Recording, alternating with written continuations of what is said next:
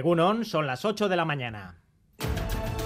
En Radio Euskadi, Boulevard. Con Iñaki Larrañaga. El brutal asesinato de un joven de 24 años en el centro de Donostia ha manchado de sangre las navidades del regreso a la normalidad. 24 horas después del mortal ataque hay tres personas detenidas que han pasado la noche en dependencias policiales. Entre hoy y mañana pasarán a disposición judicial una triste Navidad que ha conmocionado a Hernani, lugar de origen de la víctima de solo 24 años. Una conmoción que pudieron captar las cámaras de Euskal Televista. Me parece increíble lo que ha pasado, o sea que es una barbaridad. Ba, tristura plena bada. Qué pena es esto. Eta ni daukat eh, alaba bat, hogeita lau urte, eta triste bada.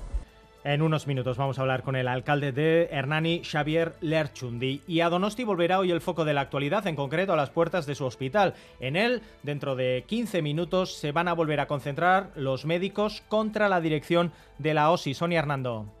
En unos minutos, nueva concentración a las puertas del Hospital Donostia. Lo decidieron en asamblea el pasado viernes, después de que el nuevo gerente les exigiera firmar un escrito para desmentir a una de las caras visibles de la protesta, el doctor Adolfo Begristain, quien afirmó que al gobierno vasco no le interesa que Donostialdea sea una OSI potente. Los médicos no solo no le desdicen, sino que retoman las movilizaciones y exigen nuevos interlocutores para encauzar la crisis. Y esta mañana visita Boulevard la vicelenda Cari segunda y consejera de Trabajo y Empleo, Idoia Mendía, lo va a hacer con la nueva ley de la RGI bajo el brazo. Ayer en Radio Euskadi pudimos escuchar a otro consejero, al de Economía y Hacienda, Pedro Azpiazu, que venía a cerrar el año con cierto optimismo.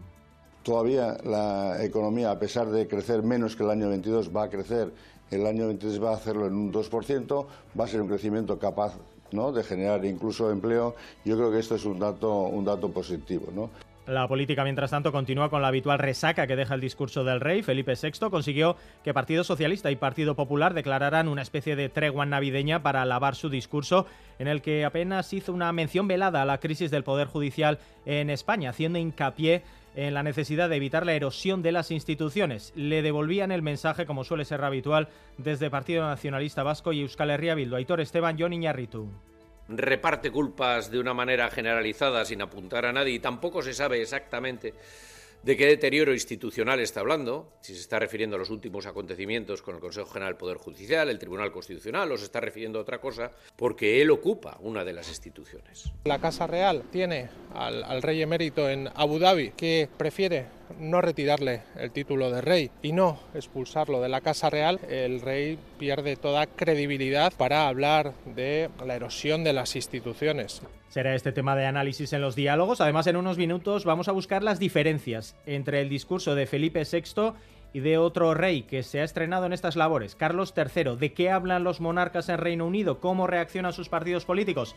Enseguida vamos con ello. Antes, más noticias con Asier Herrero.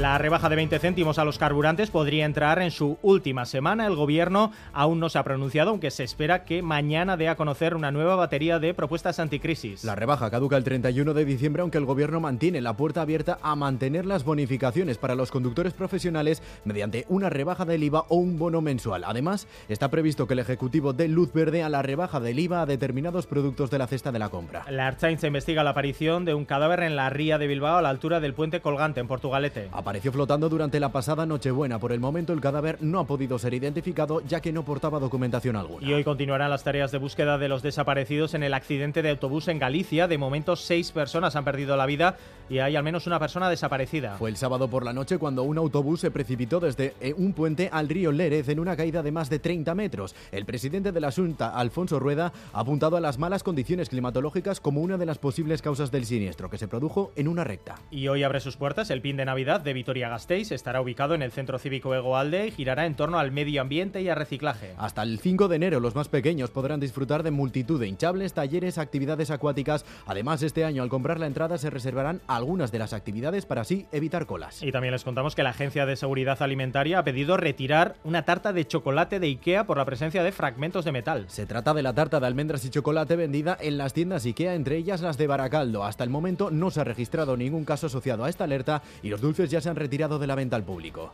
Y en el Cursal se va a estrenar hoy el documental sobre la pionera, educadora y euskaltzale Elvira Cipitria. Es un documental ficcionado que profundiza en su vida, así como en la contribución que realizó al pueblo vasco mediante los testimonios de personas cercanas a Zupitria. Vamos ahora con la actualidad deportiva, con un primer flash con Álvaro Fernández Cadierno, Egunon. Egunon, hoy con el frontón como gran protagonista en el mano pareja se juega en Tolosa el Lazo Imaz el Ordizabaleta. Los líderes ayer en Eibar, Altuna y Tolosa se imponían por 22 a 15 a Peña Mariz Currena y en Guernica en las Winter Series de Cesta se juega el Barandica Lequerica frente a Olaran y Basque.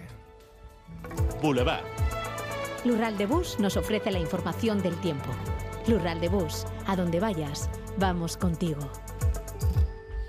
Hoy sí nos espera un tiempo más invernal, con temperaturas eh, más bajas que las de este fin de semana, algunas nubes, también eh, precipitaciones. Ampliamos esta eh, previsión meteorológica con Euskalmet, Jonander Arrillaga, Egunon. Caixo Egunon, hoy nos va a afectar un frente y va a perder fuerza el viento sur. El frente va a llegar bastante debilitado, pero nos va a dejar abundantes nubes y algo de lluvia, aunque débil y ocasional en general. Cuanto más hacia el este, especialmente en Navarra, los claros van a ser más amplios y la probabilidad de lluvia va a ser menor. En cuanto al viento, el viento del sur va a ir perdiendo fuerza y por la tarde va a girar a componente norte en la vertiente cantábrica, por lo que vamos a notar un ligero refrescamiento por la tarde. Así que hoy el ambiente va a ser algo más húmedo y fresco, especialmente a partir del mediodía.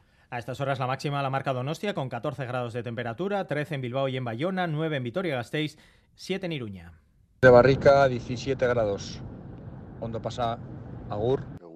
16 grados y medio en Galdacao, 15 grados en Lemoa y 14 en Igorre. Egunon, Oñati, 15 grados. Agur.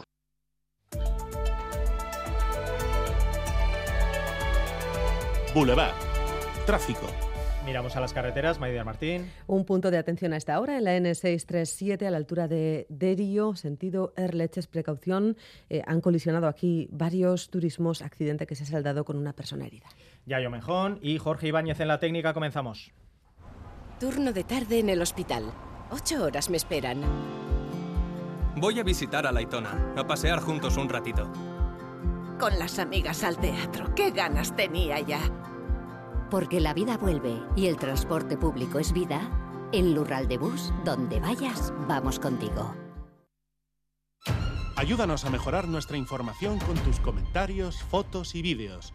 Envíalos al WhatsApp de Radio Euskadi 688 840 840.